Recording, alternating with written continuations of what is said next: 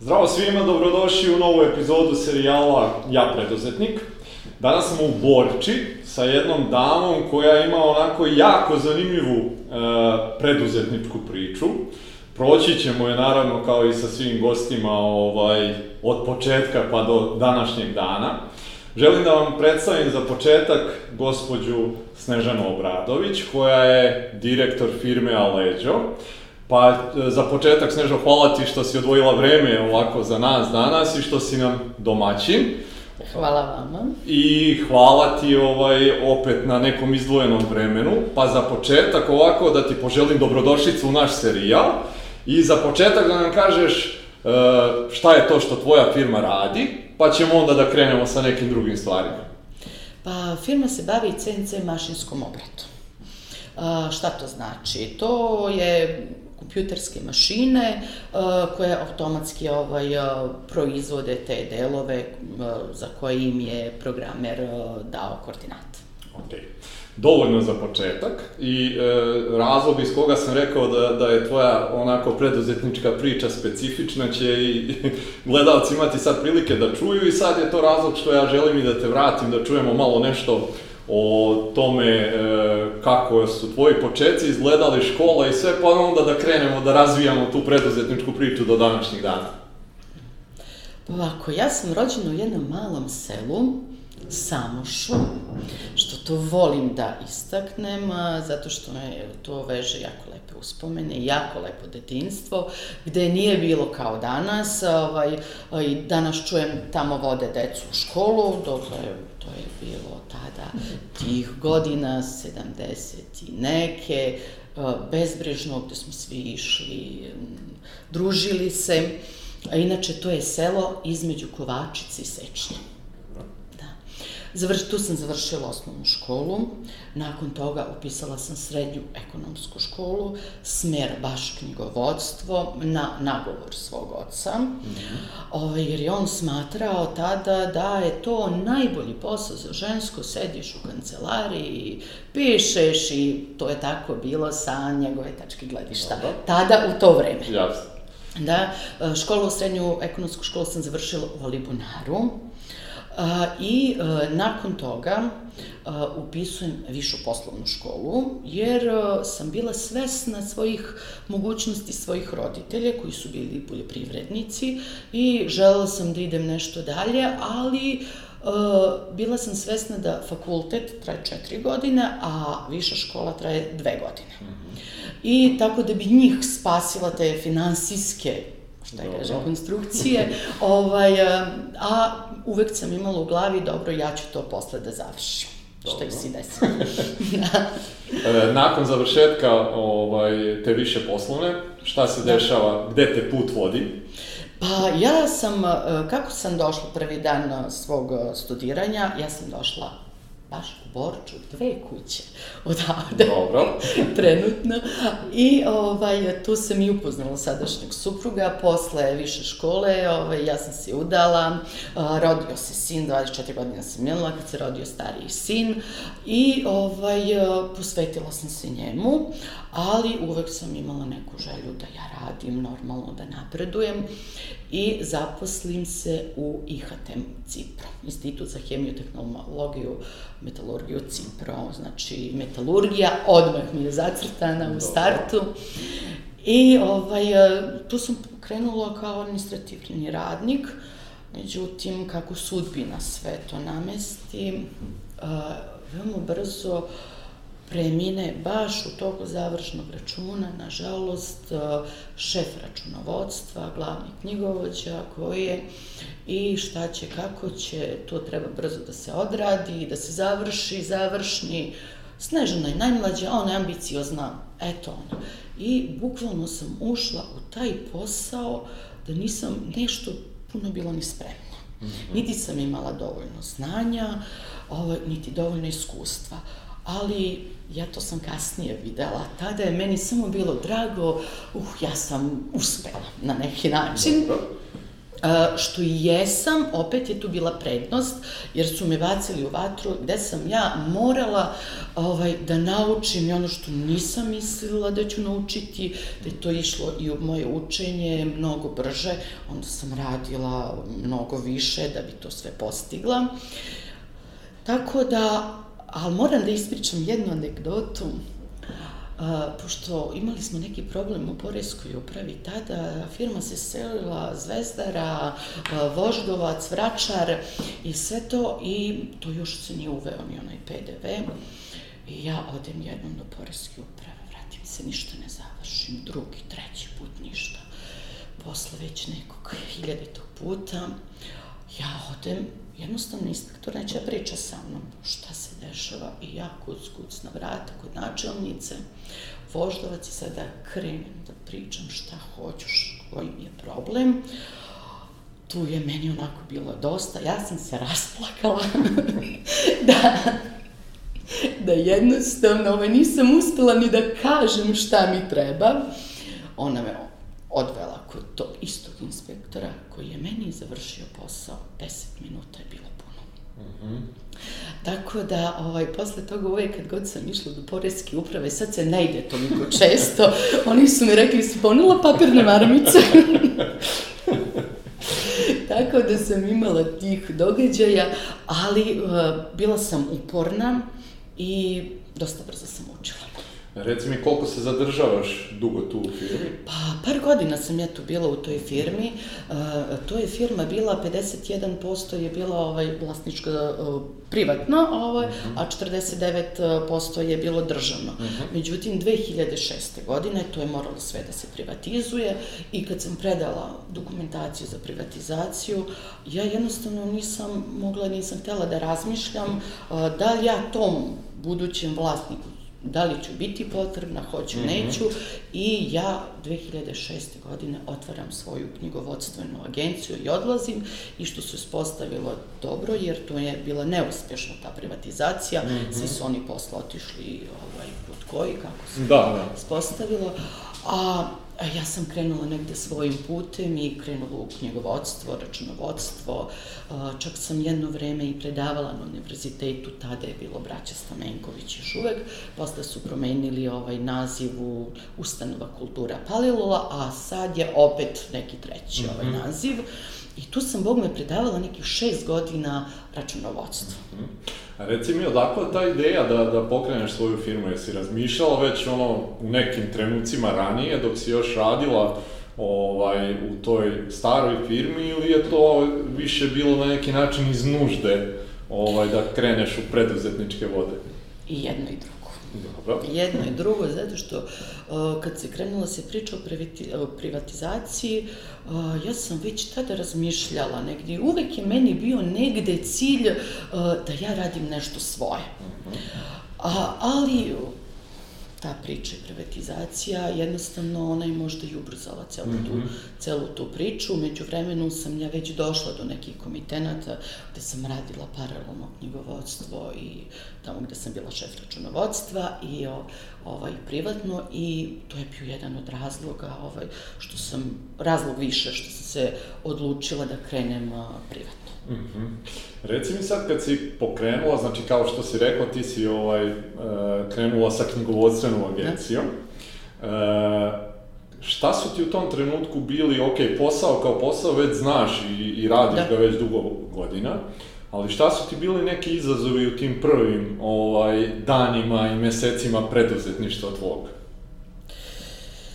Pa sam taj osjećaj je bio fantastičan da da radim za sebe, da ovaj, nove firme koje su dolazile, koje su se raspitivale, zatim nikada do tada nisam radila malo prodaju, što sam počela da radim, pa posle sam videla da je to jako veliki posao, ozbiljan, mm -hmm. što ljudi pomisle malo prodaja, ma to je lako, to ide brzo, nije baš tako, kalkulacije morate da odradite sve na vreme, zatim do, bavila sam se se jedno vreme, sam imala jednu uh, firmu koja se bavila baš uh, livenjem, proizvodnjom livenja, velika firma, eto mi je bilo onako, dosta ovaj, izazovno, uh, stovarišta, um, razno razne ovaj, sam se ja sretala. Uh, zatim, uh, moram da pomen, pomenem jednu firmu koja mi je jako, jako bila zanimljiva, uh, više nažalost ne postoji, I baš mi je žao jer mislim da je ta firma mogla da opstane onako mm -hmm. lepo, to je bilo A2B, brza, brza pošta. Mm -hmm. da. E, oni su bile najveća firma koju sam ih vodila mm -hmm. i to mi je bio baš onako izazov. A ono što sam rekla, što nisam rekla, što sam propustila, mislim da je dosta bitno, zašto sam se baš odlučila za knjigovodstvo i za knjigovodstvenu agenciju. Zato što je za knjigovodstvenu agenciju meni bilo potrebno znanje, mm -hmm. jedan kompjuter i softver mm -hmm. koji sam imala još u firmi. Mm -hmm. Jer ja nisam imala novca da uložim u nešto drugo, da bi možda i krenula nešto drugo. Mm -hmm. Meni je u startu bilo, ha, ja nemam para, jedino za ovo. Mm -hmm. A reci mi, e radila si sama ili se u jednom trenutku i pojavila potreba možda da, da, da zaposliš dodatne ljude? A, u početku sam radila sama, kasnije se, ovaj, kako se to razvijalo, a, onda sam zaposlila još dodatne ljude. Međutim, ja tada nikako nisam bila sigurna uh, ovaj, jer sam uvek morala da kontrolišem te nove ljude i onda mi je došlo do, došla sam do zaključka, pa bolje ja da radim sama i da uzimam onoliko firme koliko mogu da ispratim, nego da e, ispravljam tuđe greške. Mm. A naročito sam se plašala ono što ne mogu da vidim onako na prvi pogled kroz bruto bilans. Mm -hmm. Da li je tu došlo do nekih grešaka ili nije. Mm -hmm. I sad, e, kako dolazi do toga da e, ti sa tvojom firmom, znači to ni na koji način nisu bliske ni srodne industrije, od knjigovodstvene agencije odlučuješ da e, prekineš sa tim i da uđeš u metalnu industriju. pa, ovaj, ja sam uvek nekako razmišljala šta bi, kako bi dalje. Ja jesam taj radila posao, na neki način sam ga je volela, ali to je bio nekako stacionarno posao za mene gde ja nešto i nisam se uh, našla, nisam taj posao nešto radila iz zadovoljstva. Mm -hmm. Da kažem da je meni to bilo zadovoljstvo. Uh, to je posao koji morate da sedite 24 sata, kuckate, unosite kalkulacije, knjižite, uh, zatim propise morate da čitate, privedne savjetnike svakog meseca mm -hmm. koji se dobijaju, koji morate sve da pročitate i ovaj, uvek da razmišljate i to što ste pročitali, e, da li ste dobro pročitali, da li ste dobro razumeli, šta je pisac htio da kaže. E, zatim e, problem sa klijentima, klijenti od vas očekuju jedno, država očekuje drugo. Ja nisam mogla da objasnim ljudima da taj novac koji oni imaju na računu, uh, jeste to njihov novac, jeste to da su oni to zaradili, ali da taj novac nije njihov, nego mm -hmm. da je mhm. firmin, mm -hmm. što oni to o, teško su mogli da razumeju. I onda, e, da li ja mogu ovo da ne platim? Zašto plaćam veliki porez na dobit? Pa, zato što ste imali ovaj veliki i uspešan promet, znači to vam je super što ste to, da li ja sad moram da platim to? Normalno da trebate da platite, što veći porez plaćate, to je bolje za ovu državu. Žalimo se na učite zažalimo se na zdravstvenog radnika, ali tog učitelja moramo da platimo, tog zdravstvenog radnika moramo da platimo, uh, tu svaku rupu na putu moramo da platimo. Mhm. Ko to plaća? To mi plaćamo iz poreza. Ako mi gledamo da radimo po marginama ili na crno, neće nam dobro biti. Možda mi u ovom trenutku to nećemo da osetiti, ali sutra, prek sutra to ćemo osetiti sigurno. Jasno. I, e, znači, to je više to neko tvoje, da kažem, i malo i unutrašnje nezadovoljstvo sa svim tim šta da, se dešava. Da, a imala sam i problem sa poreskom upravom, kada odete u, ovaj, kad čuju da ste knjigovođa, još da imate agenciju, pa to kao da onda su onda s tim državni neprijatelj. I onda, pošto sam ja to uvidela, ovaj, i onda ja odnesem, one još papiri su se nosili, ode, opo i obrazac, ja kažem, joj, izvinite, molim vas, ja sam samo kurir ovde, uh, ja ne smem na oči direktoru. Ili možete da mi pomognete? E, ako ste kurir, onda može. A reci mi, odakle onda uopšte ideja da ti u jednom trenutku celokupnu firmu totalno preorijentišeš i da krenete onako porodično u, u, u celu ovu priču? Pa, e, pošto sin je upisao ovaj, srednju mašinsku školu, smer kompjutersko upravljanje, e, baš kompjutersko upravljanje za CNC mašinama, jer to je bila negdje njegova želja. I onda smo mi već počeli tako da razmišljamo, to jest ja, i da ovaj, šta bismo mogli dalje i što, koji bi to bio posao ono što bi mene ispunjavalo. A, moj suprug od 92. godine imao svoju zanatsku radnju, a, gde se bavio ovaj, pomalo kovačijom, to jest uglavnom pokojni svekar radio, a on se bavio obradom metala na, kon, na konvencionalni način. Imali smo strugove i, i glodalice, ali to je bilo onaj način koji je za sada zastareo ovo čime se mhm. sada bavimo, ali je bila dobra odskočna daska i imao je dosta iskustva što se tiče uh, te obrade metala. Mm -hmm. Pošto sin je odlučio da se bavi, da nastavi mašinstvo i što ovaj, mislim da nije pogrešio, jer ja vidim zadovoljstvo u njegovim -hmm. očima, što meni je drago i jednog trenutka on dolazi iz škole I kaže, mama, rekao mi je profesor prakse da je ovo najbolji posao da mi kupimo CNC mašinu i da to od jednog dobrog posla može da se isplati. Rekao, dobro, sina, ali mi za to nemamo para, to oj, su velike ulaganja. Kaže, pa evo, nemojte meni da kupite auto za 18. rođendan, bolje da kupimo mašinu. Mm -hmm. Rekao, da, samo što smo mi mislite mi da kupimo auto 2-3 hiljade eura, a ovo je... Malo više od toga. da. I dobro, i onda, majka ko majka, da podrži svoje dete, popričam sa suprugom i kažem, nema veze, ovaj, ajde mi njega da podržimo, pa da vidimo, ne, sutra, prek sutra da nam kaže, eto, nismo ga podržali, pa možda bi to ovaj, bilo dobro. I on sa svojim profesor pre, o, predloži o, nekog čoveka gde ćemo mi napraviti sajt i gde ću ja krenuti o, one svoje aktivnosti oko ispitivanja tržišta i da vidimo kako je tržište, kako reaguje tržište, da li je živo, da li ima potrebe za tim mm -hmm. i kako sve to funkcioniše. Ok, jako bitna stvar, sad bih voleo, pošto smatram da je to korak koji većina mladih ljudi kad ulazi ovaj, u, u pred, preduzetništvo ne napravi, jeste li vi uzeli mašinu pa radili istraživanje tržišta? Ne. Ok, jako bitna stvar, dakle radili ste istraživanje tržišta pre nego što ste uložili jed, jednu veću svotu novca u samu mašinu. Da. Prvo smo napravili taj sajt i bez mašine, gde, gde smo se mi predstavili možda baš nije lepo da kažem, ali predstavili smo se da mi već imamo ovaj, okay. te mašine koji nam rade, koje ovaj, smo sposobni za sve to da odradimo. I onda sam ja pratila uh, koliko je, smo imali pregleda na sajtu, mm -hmm. uh, zatim uh, koliko smo imali upita, mm -hmm. uh, koliko ljudi nas je pozvalo i videla sam da, Bog me tu nešto... Mm -hmm. ovaj, postoji tražnje. Postoji, da, da, to može da bude.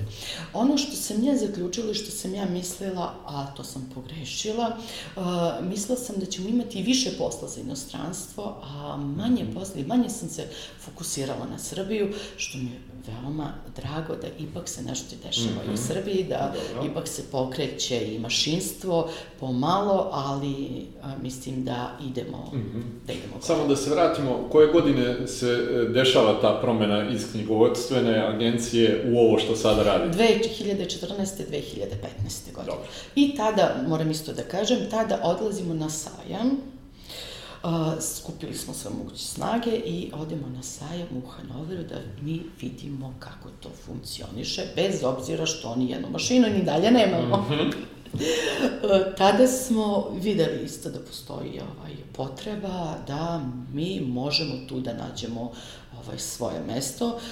Tada nismo stvarili neki posao konkretan, jer nismo ni smeli da ulazimo nešto mhm. uzbiljnije u razgovore, ali smo videli da postoji potencijal, da mm -hmm. postoji velika mogućnost. Dobro. E, jako drago mi je da se sve ovo ispričalo, obzirom da ste vi poprilično detaljno odradili taj korak koji je jako bitan. I ono što sam malo pre rekao, koju većina e, ljudi koja ulazi u preduzetništvo ne napravi, pa se iznenade kad krenu da rade, pa vide da to u stvari nikoga ne interesuje, vi ste zaista to detaljno odradili shvatate da postoji tražnja i sad je red da i kupite, jel tako, mašinu da sve to zaživi u praksi. E, te mašine, ovaj, pretpostavljam da nisu ni malo ni jeftine, čak ni nisu. polovne. Nisu. Kako vi u tom trenutku e, nalazite prvo takvu neku mašinu i kako uopšte obezbeđujete sredstva za, za kupovinu iste? Pa ovako, prvo što kad smo krenuli da tražimo mašine, kad smo videli da to moramo bez mašine, normalno, kao da ništa nismo radili. Uh, ovaj, fokusirali smo se na tržište Srbije da vidimo da li tu ima na, da nađemo, -hmm. jer negde na neki način postojalo je i strah da sad mi krenemo odmah u inostranstvu, kako ćemo, šta ćemo. Um, nismo uopšte imali tog iskustva. Ja sam imala iskustvo što se tiče uvoza, ali to su samo papiri, Jasne. a konkretno je nešto sasvim drugo mm -hmm. što se ispostavilo to i našli smo prvu mašinu koju smo kupili ovaj, u Srbiji i gledali smo da ta mašina bude što jeftinija, onoliko koliko imamo para, a, toliko da počnemo da radimo. Onog trenutka kad smo mašinu stavili na mesto i kad je ona da kažem, mogla da krene da radi, ovaj, posle pa nedelju dana će biti dugo da smo mi dobili prvi posao. Mm -hmm. I to je možda zanimljivo da vam ispričam, opet jedna anegdota, ovaj, budimo se suprug i ja nedelja, negde oko 8 sati, i kao svaka preduzetnička priča, prvo otvaramo laptopove, telefone, da vidimo mailove i to. I kaže mi suprug, joj vidi, ovo je neki posla, ovo nešto, ovo sve mi možemo da odradimo.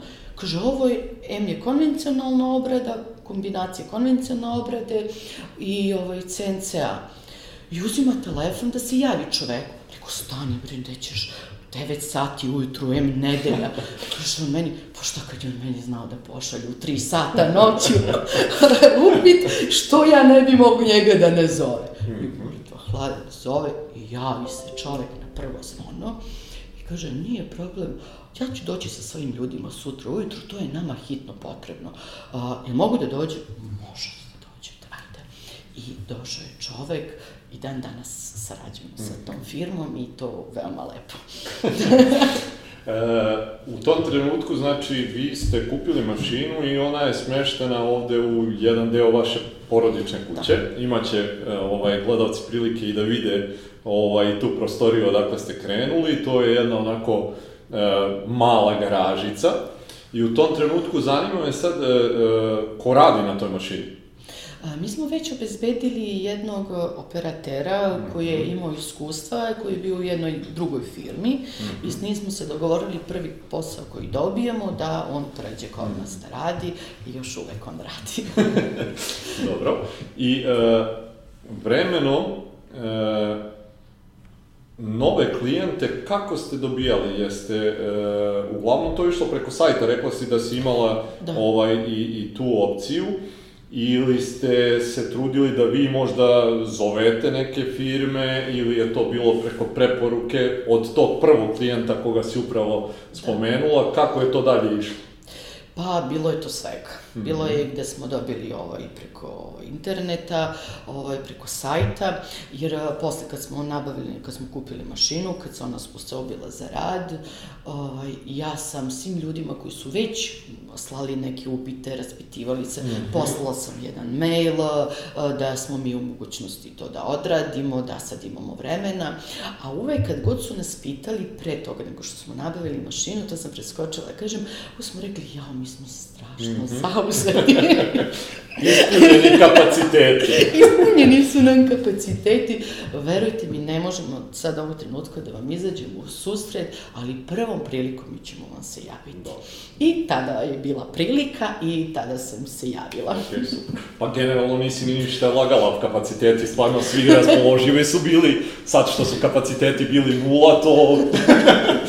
e, reci mi sad, e, e, obzirom da je to sad neka druga priča, da e, nisu baš slične industrije ni malo, e, to preduzetničko neko iskustvo koje se sticala kroz knjigovodstvenu agenciju, je li ti značilo u bilo kom obliku ovaj, kad ste pokrenuli sve? Puno, puno, mm -hmm. puno.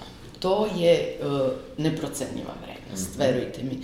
Jer kad uđete u neki posao, naročito ako se firma brzo širi, uh, jako dobro imati dobrog i knjigovođu i računovođu, uh, čak i poreskog savjetnika, A, zato što ja sam već znala šta je aktiva, šta je pasiva, koji su mhm. troškovi, a, koji su prihodi, da sam prihod ne znači da je to i moj novac, da ja od tog novca moram da znam tačno koliko meni mhm. potrebno para za platu, za poreze doprinose, koliko je za neto platu, a, koliko od tog prometa ću platiti PDV. I uvek sam imala u napred u glavi tačno mesec dana ovo mhm. koliko ću ja moći da platim PDV, koliko sam naplatila, ovaj, koliko imam para na računu, a koliko ću ovaj, da da platim PDV. Mm -hmm. Tako da to je jako dobro, čak sam ja i preporučila mladima i koji kreću u te poslove da upišu neki kurs knjigovodstva. Mm -hmm ne da bi knjižili da znaju da. ovaj šta je petica, šta je šestica, nego čisto da imaju taj uh, osjećaj uh, koji su im uh, obaveze, a koje su im prava. Mm -hmm. e, sad si spomenula da ti je to znanje iz knjigovodstva jako puno značilo i da ti je koristilo. E, šta je ono što nisi znala, a sa čime si tad u tom trenutku počela da se susrećeš? Pa to je bio marketing, management, komercijala. A, ja sam studirala komercijalu, mhm. marketing manager. To je bilo onaj, ja mislim da to, ne mislim nego znam da taj smer više ni ne postoji, a, to je robni promet. Mm -hmm. Ja sam završila, pošto ovaj, rekla sam, knjigovodstvo sam upisala na nagovor svog oca, ovaj, ali ja sam znala da to posao nije za mene, za moj temperament, gde mm -hmm. da putujem, da se krećem, da razgovaram sa ljudima. A, ja sam upisala robni promet tada. Tada je to sve obuhvatalo i marketing i, mena, i management i komercijalu. I to je bilo sad gde ja trebam da dokažem ono što su me profesori mm -hmm. naučili, ovaj, da ja to negde ovaj, iskažem, tako da sam izvlačila, što ja kažem, iz malog mozga, ono se prisećala, um, I to je savjet mladima, učite školu, uvek sve će vam biti potrebno, jer ja sam došla do toga i do tog zaključka i što stalno pričam svoj, svojoj deci, što kažu, ma šta će mi to, nikad se ne zna to uvek, kad god se kaže šta će mi to, uvek to ono zakon života, uvek, uvek to zatreba. A, tako da sam ja to krenula baš onako da se prisećam i a, iz nekog svog školskog znanja i vremenom je to već mm -hmm. onako malo krenulo iskustvo, jer mi nismo a, imali novca da bi mogla ja sad da platim jednu marketinšku agenciju. Ja. A, jer tada, još pre par godina, nije baš nešto postojalo taj marketing agencije kao danas, što, mm -hmm. što pozdravljam. Mm -hmm. A reci mi, e, obzirom da, da e, ono rekla si sama, ti i suprug ste ovaj, na neki način uključeni u, u, u celokupnu firmu. Kako ste vi podelili te obaveze između vas? Kako to funkcioniše i dan danas kad e, ovaj, sagledaš to malo obzirom da, da e, nekad to zna da bude onako i izmešano, pa se ne zna ko šta radi, pa dođe do preplitanja obaveza, pa se i nesuglasice, razmirice. Kako ste vi to definisali između vas?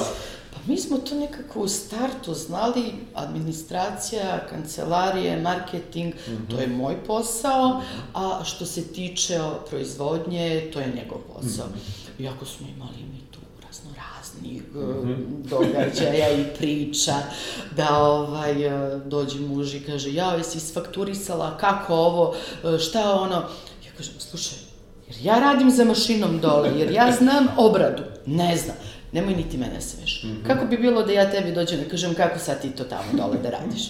Tako da smo jednostavno razgraničili, uh, tačno ja znam svoj posao, a on zna svoj posao. Mm -hmm. Niti se on meša u moj posao, niti mm -hmm. ja u mhm. njegov, i ako, iako često, često razgovaramo i o njegovom i mom poslu, i tu ovaj, mm -hmm. mora da bude A, jer onog trenutka kad smo mi udružili snage, što ja volim to da istaknem i da kažem, to je jednostavno bila dobitna kombinacija. Mm -hmm. Njegovo iskustvo u mašinstvu, moje iskustvo što se tiče administracije, to je bila dobitna kombinacija. Mm -hmm. On je poslovo od svoje još 92. godine otvorio radnju, bez obzira što on važio za dobrog majstora, ali van Borča se nije čula za njega. Mm -hmm. E sad, mnogo više.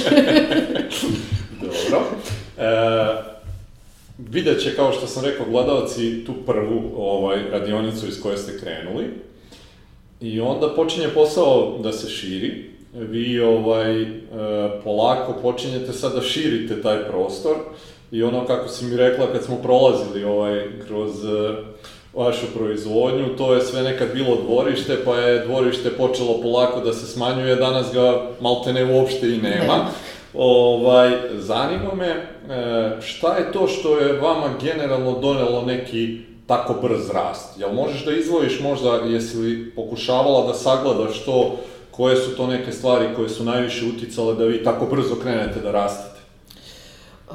Pa jesam i trudila sam se da to baš onako pratim i to pratim i dan danas. Mm -hmm. čak i analizu pra, pravim na, na mesec dana. Mm -hmm. Ono moje mišljenje sa trenutno što je, ja mislim da smo mi bili u praznom prostoru, uh, ona da sam dobro odradila ono istraživanje mm -hmm. tržišta, da to ne postoji, jer smo ciljanje bilo da radimo ono što niko ne radi, a ne da radimo već ono što postoji, što mm -hmm. ima, da uh, u tom slučaju bi nam bilo mnogo teže, jer bi morali da se borimo sa konkurencijom i da se dokazujemo mm -hmm. i da se izdvojimo nešto kod njih, a ovde E, jednostavno, bukvalno nam je bio prazan prostor, što i dan danas mislim da nema puno mm -hmm. ovih radionica i ovako firmi da rade na ovaj način. Mm -hmm. okay. e, pored tih sad obaveza koje suprugima, koje ti imaš, koje ste onako na neki način jasno definisali, e, vi sada imate i radnike o kojima treba i da vodite računa i javljaju se neke nove obaveze u vaš posao, kako ste se sa tim izborili, da na neki način morate i da budete menadžeri, pored svega toga. Ovaj, ajde za početak mi reci kako to uopšte izgleda e, rast radnika i kako se vi uopšte sa svim, odnosno organizacijom sad celokupne firme borite? Pa najveći problem je nama bio ovaj da zaposlimo stručnu radnu snagu pošto na tržištu u Srbiji bilo jako malo CNC operatera i programera konkretno za ovaj, CNC mašine. ima ovaj, završavali su škole, ali nisu imali nekog mhm. iskustva. Mm -hmm. U razgovoru sa jednim direktorom firme koji se slično bavi, pošto ovaj, smo krenuli da uzimamo uh, ljudi od jedni, drugi, treći, pa se to sve vrtelo u krug i onda smo mi seli i popričali i on je rekao svaka firma mora da gradi svoj kadar. A, ja kad sam to čula, mm -hmm. mislim da čovjek bio u potpunosti u pravu mm -hmm. I ovaj, otvaramo konkurs i javlja nam se dečko koji ne, nije završio mašinski fakultet, ali koji je na kraju i koji hoće jednostavno da krene da uči. Tako da su svi naši ljudi posle koje smo zapošljavali, prvo smo morali da im obučimo, da prođu kroz neku obuku, da bi ovaj, kasnije mm -hmm. mogli da stanu. E sad, neki od njih tako su napredovali, da jednostavno su i prevazišli svog učitelja. Dobro. E, jako bitna rečenica to što si rekla i mislim eto da je tebi to kad si čula kvrcnulo u glavi da. da svaka firma mora da gradi svoj kadar. Mislim da je to nešto na šta bih onako eto da podvučem posebno. Mislim da je jako bitno za sve koji nas gledaju. Ovaj, e, vi sad koliko imate radnika u ovom trenutku? Uh, 15. Ok. E, reci mi, e, od svih tih radnika koji su tu, e, koliko njih je došlo, eto, kao taj momak koga si spomenula, da nisu imali neko prethodno iskustvo što se tiče rada na, na, na takvim mašinama i kako recimo vi ajde sprovodite obuku, da to tako kažem, tih mladih ljudi koji dolaze kod vas? Pa, samo dvojica su ovaj, bila sa iskustvom, sve, mm -hmm. svi ostali ovaj, momci koji ćete videti posle, ovaj, su prošli kroz obuku, čak i sad imamo isto jednog koji je danas prvog dana, mm -hmm. koji je mhm. došao, uh, tako da uh, svi oni se negde prolaze, ali konkretno stanu mašine, ovaj, vode mm -hmm. računa, pokazuje im se i to, ali uglavnom su to obrazovani momci, veoma pametni, što bi ja naglasila da mi imamo toliko pametnu i ozbiljnu omladinu i da ne trebamo samo da ih kritikujemo, mm -hmm. da trebamo i da ih hvalimo. Mm -hmm. Slažem se. E, a reci mi, e, prilikom zapošljavanja tih mladih ljudi, e, na osnovu čega ste prvo da, zanima me jeste ti suprug zajedno to radili ili možda on ili ti i e, na osnovu čega ste odlučivali ko će od njih da počne da radi ovde kod vas? Pa uglavnom su se oni nama sami javljali, Dobar. dolazili i ovaj, mišljenje mog supruga je da ni jedno dete ne smemo da odbijemo, mm -hmm. jer svako kogod je došao sam na vrata, kucnuo i rekao dobar dan, dobar dan, ja bi da radim, da je taj pravi kandidat. Mm -hmm. Tako da nikog nismo odbili do sada. Dobro, ako budu gledali ovako iz okoline ovde, možda dobijete još ovaj navalu na, na, na vaša vrata, ali ono što me zanima, e, jedna jako onako zanimljiva stvar koju bih da spomenem, obzirom da smo oko toga razgovarali pre nego što smo zvanično počeli ovaj deo emisije, e, vezano za to na koji način oni ovaj, ovde e, zarađuju svoju platu. Pa mi smo ovaj, razmišljali kako bi bilo i šta bi bilo najpogodnije da i mi budemo zadovoljni i oni da budu zadovoljni. I onda smo rešili da to bude po učinku. Koliko oni, za, koliko oni odrade, ovaj, toliko će da zaradi. E sada, to nije ono da mi stavimo minimalno sad po mhm. uzorku, jer mi nikad ne proizvodimo jedno te isto. Na primjer, ovaj telefon, pa serijski. Mi radimo ovaj, pojedinačnu ovaj, proizvodnju i male serije, a, tako da smo mi to vremenski ograničili na, na vreme. Koliko oni potroše vremena? Jedna trećina od, ako ovaj telefon košta 10 dinara, a, to je ovaj deo 10 dinara, a, njihovo je 3,33. Mm -hmm. Tako da smo podelili sve, ovaj, trećina ide ovaj, za firmu za troškove, trećina za materijal i trećina njima. Tako da često puta se desi da i oni više zarade nego firma. Ali zato nemam ograničenje i ne razmišljam mm -hmm. da li će e, neko raditi ili, ili neće, mm -hmm. da li će ovaj deo biti isporučen na vreme ili neće, to je sve, sve na njima. Jel ti može da, e, ok, da, da neki raspon plata kod vas u firmi čisto onako ne moraš do detalja, ali čisto bih voleo da... Da, da pa niko nema ispod 100.000. Dobro. Mislim da je to jako lepo da se čuje, ovaj, obzirom da ono što smo razgovarali isto, kažem, nezvanično pre, zaista mi je ovaj, cilj da kroz i ovaj serijal prikažemo ovakve firme kao što je i tvoja i tvog supruga, gde radnici zaista u odnosu na kakav je neki generalno prosek ovde u Srbiji imaju izvanredne plate. Tako da je to razlog e, zbog, zbog koga sam hteo i da ovo spomeneš, da ljudi jednostavno znaju da takvih firmi ima poprilično u Srbiji, ali da nažalost osim ovoga ovako što mi radimo nemaju prilike da vas upoznaju. Tako da hvala ti što si podelila ovu informaciju. Nije, nije problem. Ja nemam isto, na primjer, naše zvanično radno vreme je od 8 sati, međutim, desi se da operator, programer budu još u sedam ovde, jer nisu mhm. završili nešto, pa su mhm. došli i sami se dogovaraju mhm. ko će kad, ko radi u prvoj smeni, ko u drugoj smeni, da se naštemuje nešto, pa oni posle tamo u drugoj smeni samo da menjaju komade i tako da imaju dobru saradnju. Okay. E, u tom vašem razvoju dešava se još jedna onako jako zanimljiva stvar i bitna za vas. E, vi u jednom trenutku otvarate firmu i u Sloveniji, je li tako? Kako je uopšte došlo do toga? Pa došlo je sasvim slučajno. 2016. godine mi smo bili na ekonomskom forumu u Mariboru i u razgovoru sa tamošnjim ovaj, ljudima, privrednicima, videli smo da kod njih postoji razvijena industrija, postoji CNC mašinska obrada, ali oni se uglavnom uh, bave i bazirani su na serijskoj proizvodnji, a nemaju ove pojedinačne stvari, na primjer kad je potrebno koma 2, 3, 5, 10, uh, mm -hmm. tako da u tome smo videli svoju mogućnost. Mm -hmm. I e, kako vam je izgledalo sad to odlazak iz Srbije, e, gde imate eto, dugogodišnje iskustvo, ali dolazite sad na tržište Slovenije, odnosno na neki način celokupne Evropske unije. Ovaj, kako izgledaju e, ti počeci uopšte u odnosu na to iskustvo koje imate u Srbiji? Pa prvo je bilo oduševljenje, verujte mi. Mm -hmm Šta god smo pitali, pošto smo mi to otvarali preko Mariborske razvojne agencije, oni su nam ponudili, sami su nam ponudili prostor u Štajerskom tehnološkom parku i sve što smo tražili, sve što smo pitali, za su rekli može. Smo onako bili malo zatečeni, ovaj, ali to je bio razlog više zašto smo se i odlučili. Da. Mm -hmm.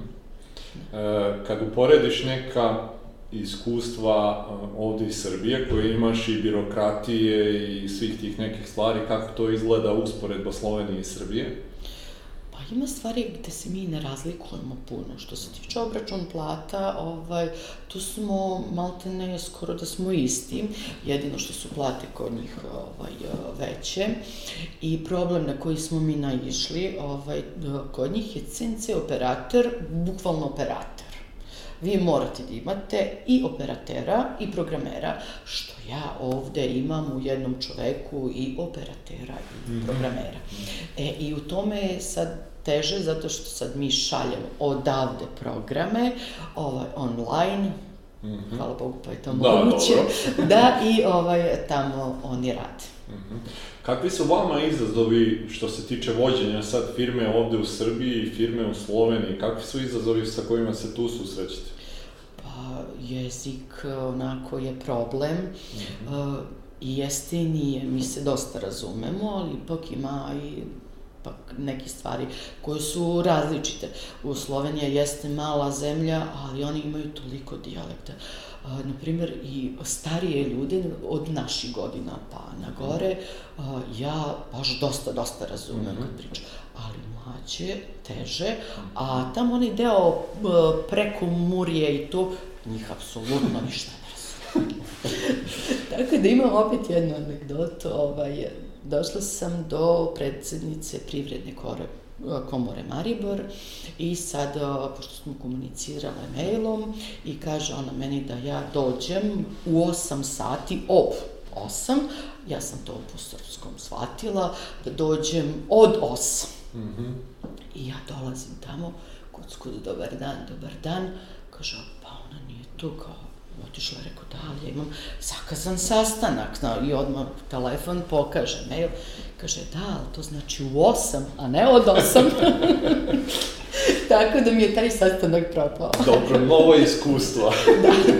A reci mi sa menadžerske strane, sad, obzirom da, da pretpostavljam da oduzima i vreme i energiju, vi e, na neki način sami i dalje vodite računa, nemate još uvek menadžment tamo Ovaj, nažalost, koliko je to zahtevno, da? Nažalost, nemam ovaj, tamo menadžment zato što uh, bukvalno nemam novaca ovaj, da platim tamo posebnog čoveka koji će, mm to, koji će to raditi. Ovde imamo, o, prošle godine smo imali povećanje proizvodnje 60%, mm -hmm. a, tako da smo morali i ovde da budemo i tamo i onda smo malo Sloveniju stavili ovaj, mm -hmm. u mhm. drugi plan. Nisam se posvetila sa mm -hmm. dovoljno kao što je trebalo. Uh, zato smo sad ove godine rešili da menadžment ćemo postaviti ovde, a ja ću biti mnogo više ovaj, u Sloveniji. Okay. E, zanima me sad, e, što se tiče nekih odluka koje ste donosili, između ostalog vezano i za, za to da otvorite firmu u Sloveniji, što ovaj, e, nije mala Čak stvar. Čak i proizvodnju, uglavnom da, se otvore, je. uglavnom u Sloveniji naši ljudi otvaraju kancelarije, Jasno. ovaj, da, a ja proizvodnju. Kako ste vi donosili te odluke, e, šta ćete da radite, šta nećete da radite, jel to ide neke konsultacije tebe i supruga ili kako izgleda sam taj proces? Mi uvek konsultujemo jedan drugom u razgovoru a, i uglavnom odluke donosimo ovaj, zajedničke. Neki put o, se ne slažemo oko nekih odluka. Kako te rešite, zanima me taj deo. Pa, um, negde nekako ipak rešimo. Dobro. Kako neki put popustim ja, neki put on, ovaj, ali ja kad znam da sam u pravu 100%, um, što se tiče financija i menadžmenta, mm Mhm. -hmm. ali što se tiče proizvodnje, to uglavnom uh, njemu mm Mhm. -hmm. prepuštam da on to ovaj, odluči i mislim zato smo dobar tim. Dobro. E, šta bi rekla da, da su vama sad neki najveći izazovi u ovoj fazi gde ste? E, gde vidiš da je neki, recimo, e, najveći problem sa kojim se susrećete, je li to nešto što je na nivou države, nešto do vas samih ili možda nešto treće? Pa ja mislim da ima svega. Mm -hmm. Da ovaj, mi nismo ni svesni sami šta možemo. Ovaj, ja u, još uvek učim. Uh, uh, bilo bi mi dobro pomoć nekog stručnog lica koji ima mnogo veće iskustvo i znanje od mene, a sigurno da takvi ljudi postoje. Mm -hmm. Zatim država bi trebala malo više da povede računa o nama. Ja moram sad da spomenem, ovaj, nama od 1. januara 2019. godine električna energija je poskupela za komercijalne potrošače 20,2%. To mm. nigde nije. Da.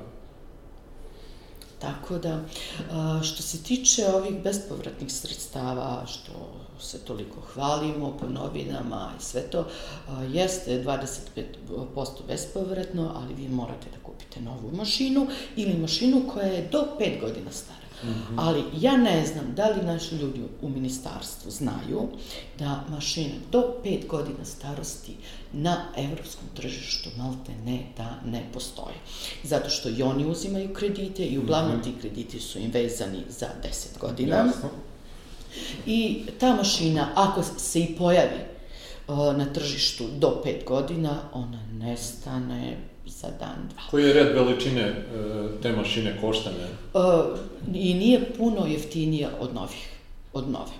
E sad, mi kad kad bi kupovali nove mašine, ovaj, to i dalje je za nas to veoma skupo, bez obzira što nam se vraća tih 25% mm -hmm. bespovratno i još uvek je to za nas nemoguća misija. Mm -hmm. A plus uh, toga ima još jedna stvar, da vi morate da ispunite sve uslove, broj zaposlenih, uh, promet uh, i svašta nešto, da biste mogli čak da aplicirate za to. Da. Tako da za nas um, još uvek je to nedostižno i to imam utisak da je napravljeno za velike sisteme. Mm -hmm.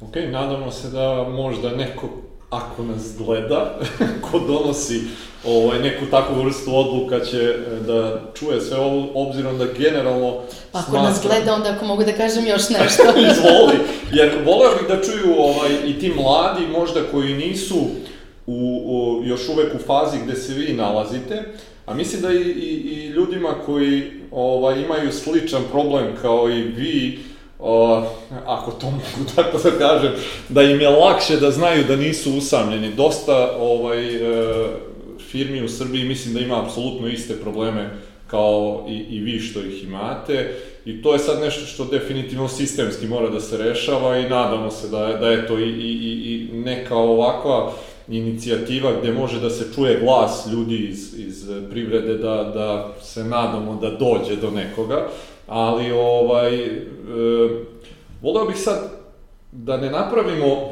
ovaj, e, uvod ljudima koji gledaju da eto sve je loše.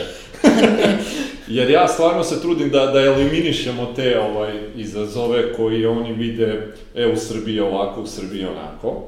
Ovaj, e, voleo bih sad kad pogledaš Srbiju, imaš neko iskustvo iz Slovenije, neke pozitivne stvari da kažemo ka, koje bi mogla da kažeš da su kod nas pozitivnije. Uh, tako je. Im, imam ovaj to je ta stručna radna snaga. Mm -hmm. Mi imamo toliko stručnu radnu snagu. I ono što sam rekla, ako mogu da kažem, ovaj, Ne, ne, to je baš bilo ovaj, vezano i za to, uh, pošto velika sredstva Srbija odvaja za strane investicije. Uh, ove godine po ovaj, nekih 135 um, ne znam čega, da sad ne pričam, milijardi Da. ovaj, eura, odvojeno i namenjeno za strane investicije. I ne bi, uh, meni se nikako ne sviđa da se mi predstavljamo kao jeftina radna snaga. Zato što mi imamo stručnu radnu snagu i da onaj Nemac, Holandjanin ili bilo ko, ako razmišlja već da dođe u Srbiju, da razmišlja da na ovaj način i da kaže aha, idemo u Srbiju zato što tamo ima stručne radne snage. Ne jeftine, nego stručne. Kao što sam već rekla, moji ljudi su i operateri i programeri. A dok ja to u Sloveniji nisam nikako mogla da nađem. Da bude čovjek i operator i ovaj CNC operator. CNC operator je samo čovjek koji stisne dugme, stavi komad, stisne dugme i stoji i gleda. To. A programer je onaj koji mora sve da odradi. A kod mene, ne samo kod mene, na, gde su naši ljudi, ovaj, trebalo tri dana da to nauče i da uđu u to, ovaj, u bukvalno u programiranje. Da, ok. Da, da spomenemo i te neke dobre A, stvari. koje Jeste, jeste, i mi imamo jako ko, dobru omladinu, obrazovanu, pametnu decu, tako da treba da ulažemo u njih, a ne oni da razmišljaju da idu za inostranstvo, nego da gledamo kako ćemo da ih uh, zadržimo ovde u svojoj zemlji, sa svojim prijateljima, da ostanu i sa svojim porodicama. Jasno, slažem se, apsolutno. E, Spomenula si da vi na neki način e, radite obuku vaših ljudi u firmi. Zanima me kako se ti e, edukuješ za, za sve to što je potrebno da bi vodila firmu. Uh, kursevi, evo sad trenutno ovaj, pratim digitalni marketing, sve što mislim da će mi koristiti. Ovaj, ja gledam koliko god mogu da stignem da ispratim.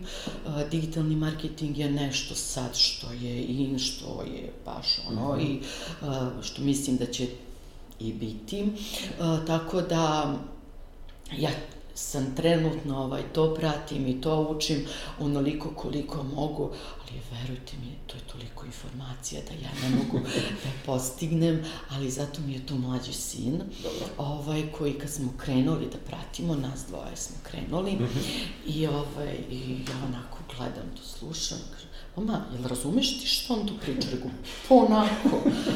A, dobro, kaže, ali znaš šta je to? Pa kaže nešto tamo. Rekao, ne, stane i kaže, slušaj, vratimo se s početka. E sad, pričao je, to je to, to, to. I onda idemo dalje, odslušamo, pa onda, e, to ti je to i to i to. Tako da, opet vraćamo se na priču, da mi imamo dosta da naučimo od svoje, od svoje omladine. Ok. E, kad pogledaš sad e, e, sebe pre nekih, e, koliko već, 13 godina, je li tako, kad si ušla u preduzetništvo, e, šta su neke osobine e, koje si morala da menjaš kod sebe ili da ih stekneš kako bi mogla da, da imaš ovo što imaš danas? Bog me, morala sam dosta toga da menjam. A, menjala sam postepeno, a, ne, neki put svesno, da moram da učim, da moram da napredujem, da moram da radim na sebi, a nešto se Bog me menjalo onako tek kad se vratim unazad u... pa to je to. da nisam ni primetila. E, reci mi, e, dobila si, e, mislim, spomenuli smo i rekla si da ti je to jedna jako draga nagrada od Udruženja poslovnih žena Srbije.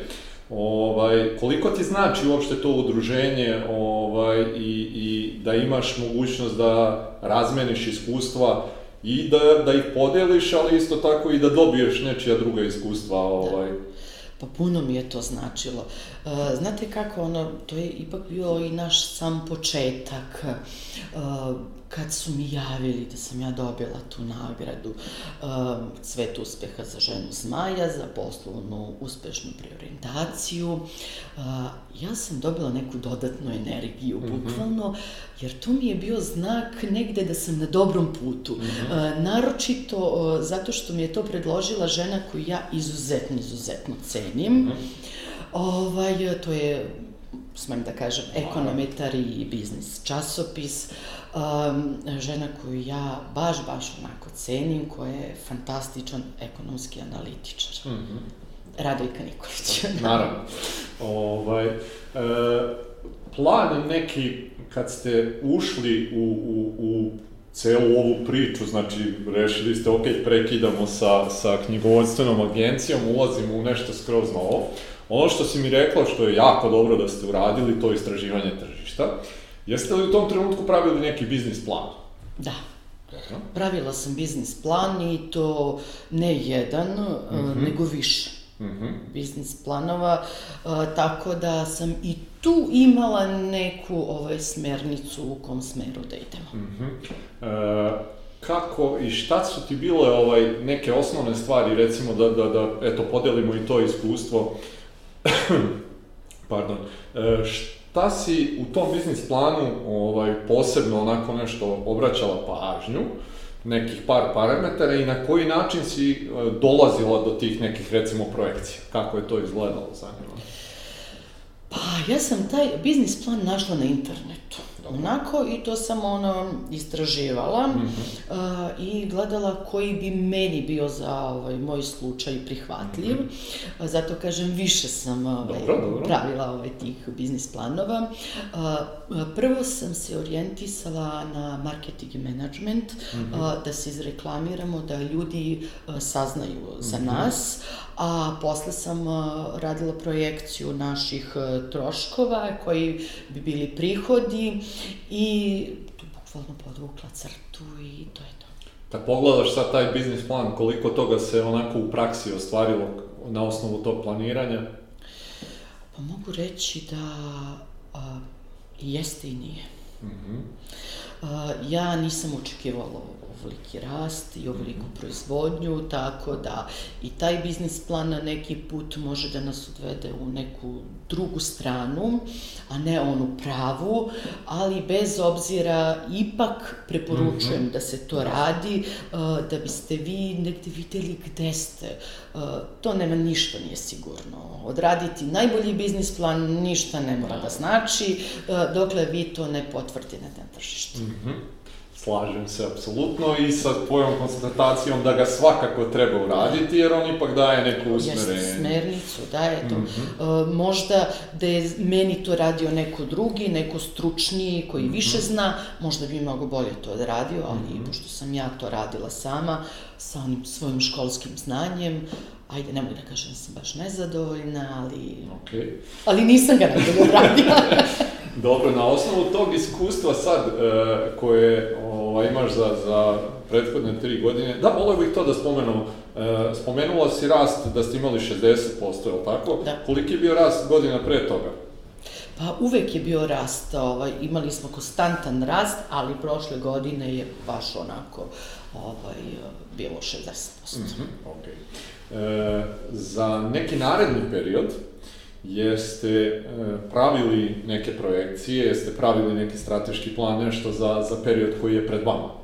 Pa za ovu godinu mi je u planu potpuna digitalizacija. Mm -hmm. gledat ćemo, ako budemo mogli da kupimo još ovaj neke mašine a, koje su nam neophodne, ali prvenstveno smo se bacili ove godine na digitalizaciju. Sve to što imamo da povećamo produktivnost. Mm -hmm. I kao što smo i pričali, ovaj uzor nam je bila ta švajcarska firma a, gde smo mi videli kako i šta može a, da se, izvu, da se izvuče iz tih mašina, mm -hmm. što mi nismo ovaj, još uvek stigli do, do tog nivoa, a cilj nam je baš taj neki, mm -hmm. baš taj neki nivo. Dobro. E, spomenula si tu švajcarsku firmu, e, koliko je, e, i da se ugledate na nju, koliko je bitno imati takve neke primere na koje možeš da se ugledaš? Pa ima dosta. Ja moram da spomenem i jednu mađarsku firmu koju vodi naš čovek iz Bosne. Uh, upoznali smo ga na ekonomskom forumu na Jahorini i ovaj, on nam je dozvolio, ja sam pitala da možemo mi da odemo kako izgleda uh -huh. to mhm. kod njega. Uh -huh. uh, gde sam ja videla da je i čak i bolja ta firma u Mađarskoj, uh -huh. Budimpešti, nego ova u Švajcarskoj. Uh, što se tiče taj firma u Mađarskoj, ovaj, kao da ste ušli u neku apoteku. Verujte mi, kao da niste u mašinskoj obradi. To je toliko čisto, to je svetlo, to cveće, to, um, no, zatim uh, pokazivao nam je, ja sam to dosta naučila, moram da priznam, mm -hmm. ovaj ISO standard, kako se poštuje, mi imamo ISO standard, ja ne znam koga u Srbiji baš poštuje 100%, što je velika, velika mm -hmm. greška, jer to je napravljeno namenski da bi na, nama pomoglo, a ne da bi to mi plaćali, mm -hmm. jer mnoge firme smatraju ako uvedu ISO standard, da je to samo nešto moranje koje što mm -hmm. moraju da plate a ništa ni zvuku iz toga. On je meni objašnjavao kako to funkcioniše. E, tačno ima e, za onaj, e, ona kolica, što vrše prenos o, o, tih o, svojih delova, tačno ima mesto i slika mesto gde to stoji. I nema ništa drugo. Dok kad uđete u Srbiju, kad uđete u neke to radionice, to je to nabacane delove, mm -hmm. e, i to mi je želja izuzetno da takvu jednu proizvodnju ovaj, napravim. Vi ste videli da je ovde kod mene dosta uredno, ali nije ni približno mm -hmm. ovaj, toj mađarskoj firmi. Zatim, naučila sam još od njega da on ima mogućnost, što ja sad to uvodim, svaku mašinu da prati koliko mu je u toku jednog radnog vremena, koliko je, je ona radila vremenski, -hmm. koliko je uradila i koliko je zaradila. Mm -hmm. Tako da te softvere i to, to što sam pričala o digitalizaciji, e, to, na tome sad radim, ovaj, da bi to uveli, da bi meni pomoglo i mogli više da se posvetim Sloveniji i ovde, da mi bude jednostavno lakše. Jasno. Kad, uh, ovaj period sad koji je prošao, ajde da, da, da se osvrnemo na dva dela, recimo, i na taj knjigovodstveni i na ovaj mašinski, šta smatraš da su ti bile najveće greške koje si napravila? Uh. ima, ima. Naravno, kao i kod svih nas. Da, u knjigovodstvo ne mogu da kažem da sam napravila neke, neke greške. Tu mi je išlo onako, ja sam to radila strogo onako mehanički, mm. po pravilu i nije, nije tu bilo nekog izazova za mm -hmm. mene. A dokle, kad smo krenuli u mašinsku obradu, a, tu je bila jedna ozbiljna, ozbiljna greška. A, što me je koštalo dosta para, ne samo mene, nego i firmu, to vam nisam spomenula. Ovaj, a, imali smo hakerski napad i kupovali smo mašinu u, mm -hmm. u Budimpešte i ovaj, a, a, u jednom trenutku, pošto smo mi imali prepisku mailovima, on čovjek je meni poslao fakturu koju sam ja trebala da uplatim, ja uzmem fakturu, lepo odem u banku, uplatim to, ovaj, pošaljem kamion, čovek nam da lepu mašinu, dovezemo to i u jednom trenutku on zove, novac nije stigao. Kako nije stigao, pošaljemo dokaz da sam uplatila novac. Kaže, ne, novac nije stigao. Ja mu sad slikam njegovu fakturu i kažem, izvinite, da li je ovo vaša faktura? Kaže, jeste, to je moja faktura, ali broj računa i poziv na broj nisu moji. Svet mi se srušio u tom trenutku. Ja sam odmah znala šta se to desilo. Jednostavno. I kažem da smo mi uplatili, to počne prepiska, čujemo se sa čovekom. Posle dva dana imam poziv, vidim se nepoznatog broja, javlja se čovjek, priča srpski, ali ne baš najbolje, vidim da vuče na mađarski, kaže, dobar dan, dobar dan ovde ambasador Mađarske. Molim vas, vi ste kupili mašinu od uh, našeg čoveka, od firme taj te, molim vas, vidite to da regulišete ovaj, u što kraćem roku. Ja u šoku.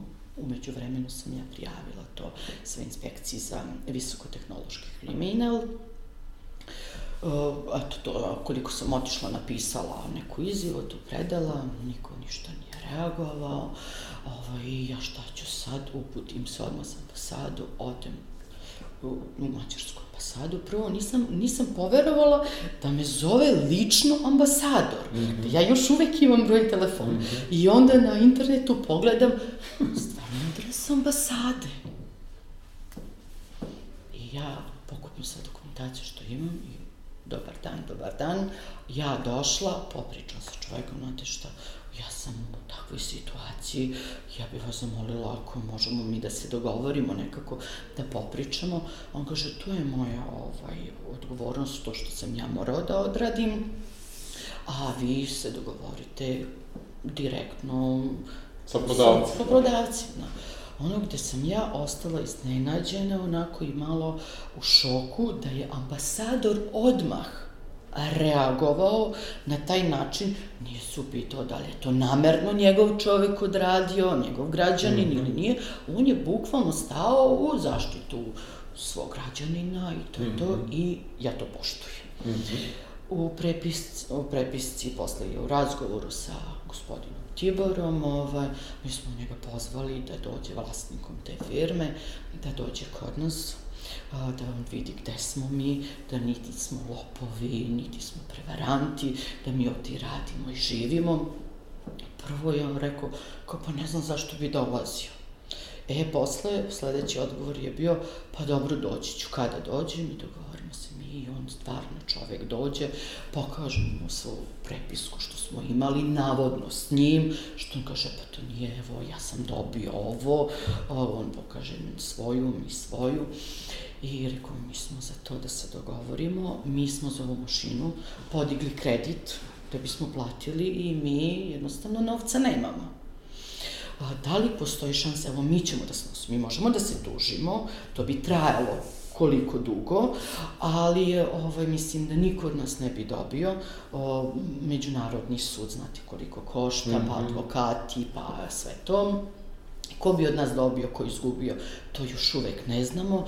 Rekao, ali evo, mi smatramo da je to naša greška, da ja nisam to dobro proverila, da nisam vas kontaktirala i da ja nisam proverila i da jednostavno mi hoćemo tu mašinu da vam isplatimo u celosti, ali bih vas zamolila, rekao da to bude na nekih šest meseci.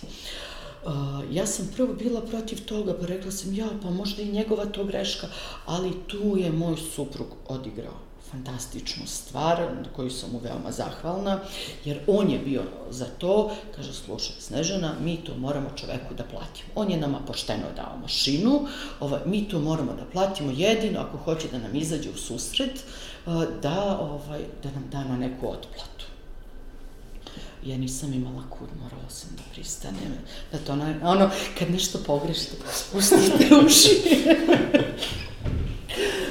I ovaj, tog trenutka mi smo tog čoveka da, toliko dobili da je on postao naš prijatelj. Mm -hmm. Sve naredne mašine i sve mašine koje smo kupovali, -hmm. a, mi smo uzemali od njega ovako na što kažemo, na ler, što bi rekao moj mhm. muž, šest meseci i mi kad kako imamo para, tako uplatimo, tako da nikada više nismo podigli kredit, on bukvalno nas je kreditirao. E, jesmo mi tu izgubili novac, mm -hmm. ali smo dobili prijatelja mm -hmm. i dobili smo veoma, veoma dobrog saradnika. Tako da mislim da smo iz cele te situacije, mm -hmm. iz tog problema koji tada u tom trenutku je meni izgledalo da mi nećemo izaći iz toga, ovaj, prvenstveno ja sam naučila nešto, mm. ne nešto nego dosta, a dobili smo i dobro prijatelja.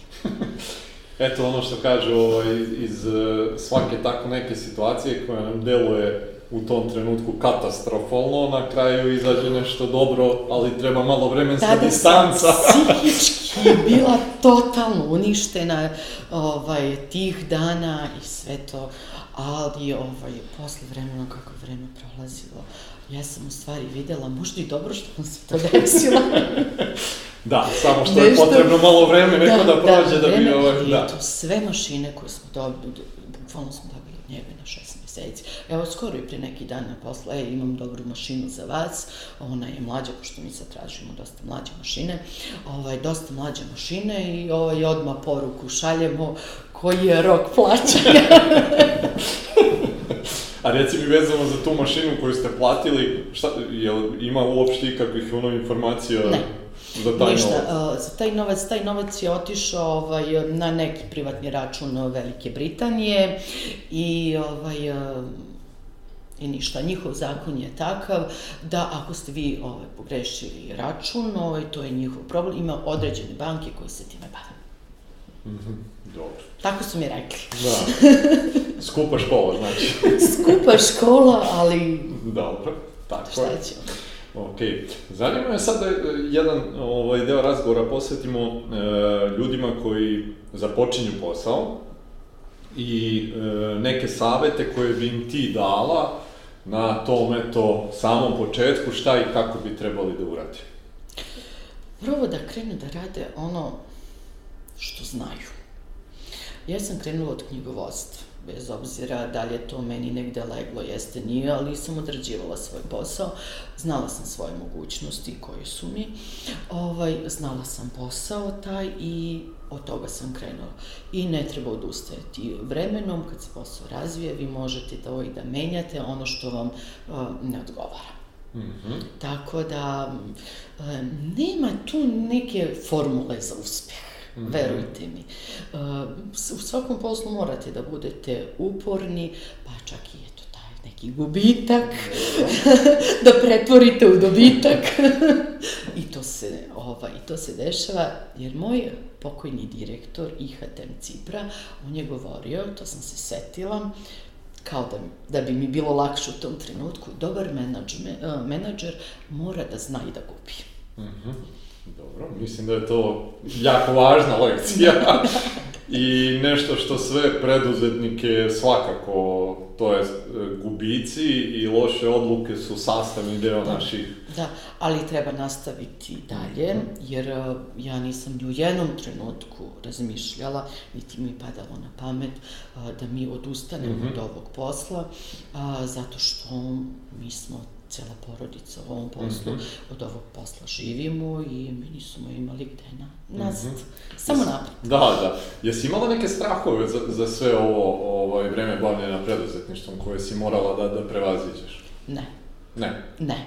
A, zato što ovaj, volim dosta da čitam ovaj, što se tiče psihologije i kažu a, da je strah a, najgori a, neprijatelj u poslu. I vi ako imate strah i ako se začaurite i ako se od svega plašite, nemate uspeha, ne možete da idete dalje. A, strah je dobar samo u onoj meri a, gde vas postiče, ali to je jako tanka linija. Da li vas ovaj, vraća unazad i vas zaščauri ili vas tera napred. Kod mene, ja sam se trudila da bude taj strah gde će me terati napred. Okay. Pitanje sa kojim završavamo razgovor uvek, da imaš priliku da se vraćaš u 2006. sada sa svim ovim što znaš i da daš savet Snežani iz te godine, da joj budeš mentor na neki način, šta je to što bi joj rekla?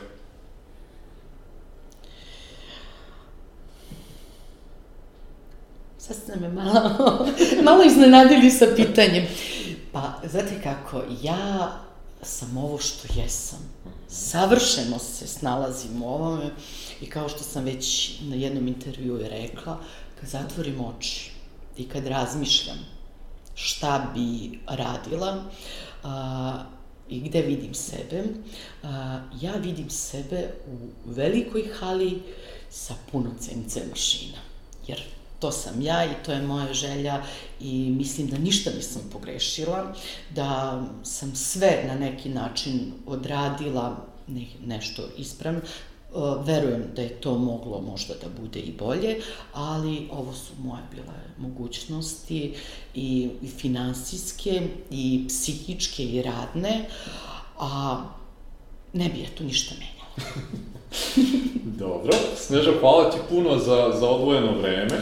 Hvala vama, inače ja pratim vaš rad i e, dosta toga sam gledala, čak sam, kao što sam vam rekla, mislim da sam jedna među prvima koja je bila vaš pratioc. Ok, hvala ti puno na tome. E, hvala i vama što ste još jednom bili e, sa nama i vidimo se ponovo sledeće nedelje. Prijatno!